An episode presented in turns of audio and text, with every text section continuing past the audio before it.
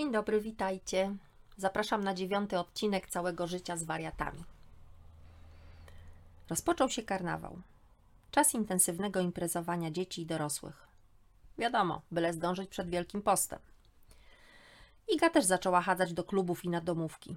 Wśród jej niezliczonych znajomych pojawiła się Agnieszka, która była stałą bywalczynią takich rozrywek. W sobotę Aga przyszła do nas już koło południa tak by mogły z Igą spokojnie przyszykować się do wyjścia. Moja córka nigdy nie spędzała tyle czasu przed lustrem, co za czasów przyjaźni z Agnieszką. Po ustaleniu, dokąd pójdą, rozpoczęło się wyszukiwanie ciuchów. Nie tylko szafa Igi poszła w ruch, moja także. Hmm, nie mam nic przeciwko pożyczaniu ubrań własnemu dziecku, ale obcym to już niekoniecznie. Cóż jednak zrobić, gdy córka wywleka wszystko, co jej wpadnie w ręce i traktuje jak swoje? Przygryzłam zęby i starałam się nie patrzeć. Kolejnym etapem był makijaż i fryzura. Przedpokój zamienił się w salon kosmetyczny. Przejść nie było jak, a do Rawcia stale przychodzili jacyś koledzy. Mamo, otwórz drzwi, bo ja nie mogę dojść do domofonu! wykrzykiwał mój syn.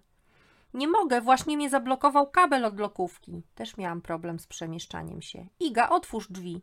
Nie mogę, mamo, maluje oko Agnieszce. I takie oto dialogi prowadziliśmy przez całe sobotnie popołudnie. Około 17 zapowiedziała wizytę Aneta, która kiedyś mieszkała w bloku obok nas. Nasi synowie chodzili razem do szkoły i tym sposobem zakumplowałyśmy się. Teraz mieszka na innym osiedlu, ale zagląda do nas czasem, kiedy uda jej się wyrwać od domowych obowiązków. Właśnie była w ciąży z czwartym dzieckiem. Normalnie matka Polka.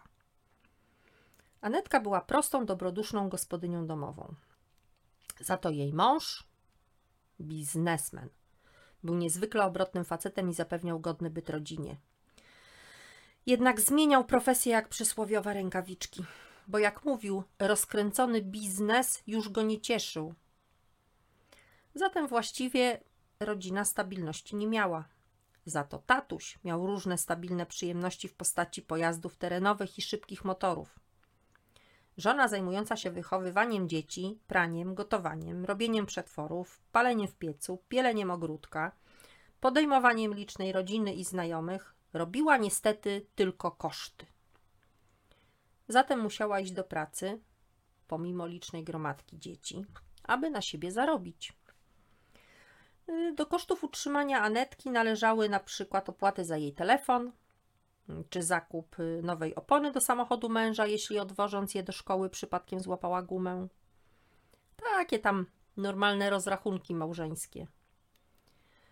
Teraz, korzystając z kolejnej ciąży, przez krótki czas łapała oddech na zwolnieniu.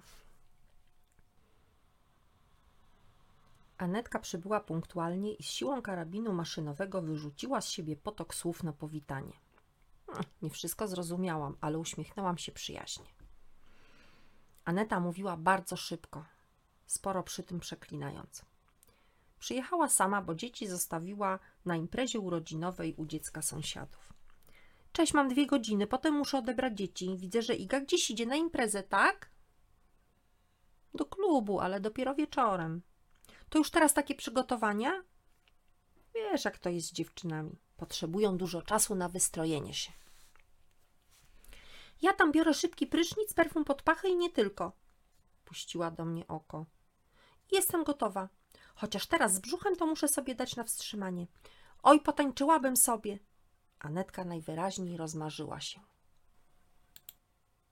Popijając bawarkę, bo tak trzeba będąc w ciąży, gdybyście nie wiedzieli, wspominałyśmy, jak to było, gdy byłyśmy nastolatkami.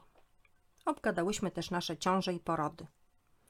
Niewątpliwą atrakcją, chociaż może jednak wątpliwą, tych wspomnień była opowieść o tym, jak Anetka chciała zajść w pierwszą ciążę z nowo poślubionym mężem.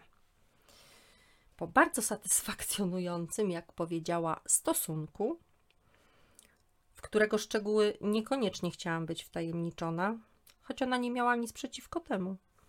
Aneta leżała kilkadziesiąt minut z nogami uniesionymi od bioder w górę, w przekonaniu, iż taka pozycja pozwoli na przedostanie się plemników we wskazane miejsce.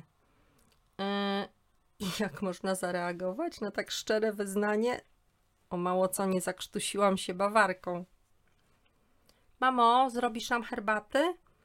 Iga zajrzała do pokoju. Mamy jeszcze mokre paznokcie. Jasne, odparłam. Chodźcie tu posiedzieć do pani Aneta, ja nastawię wodę. Wróciłam z zieloną herbatką o smaku truskawek w śmietanie. Uwielbiamy ją z Igą. Wystrojone dziewczyny siedziały po obu stronach Anetki i wypytywały ją na przemian o ciąży. A czy to dziecko kopie panią w brzuch? To chłopiec czasem kopie, najczęściej w nocy, gdy śpię.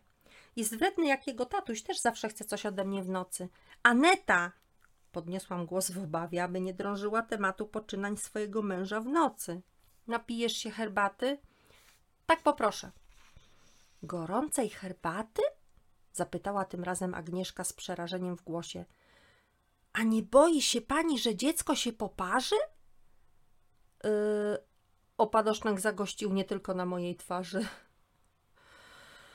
O matko, mentalnych blondynek jest wśród nas więcej niż przypuszczamy. I na tym koniec odcinka dziewiątego. Dziękuję za wysłuchanie. Życzę Wam pięknego wieczoru. W końcu dzisiaj piąteczek i zaczyna się weekend. Zapraszam do komentowania i mam nadzieję do usłyszenia. Pa pa!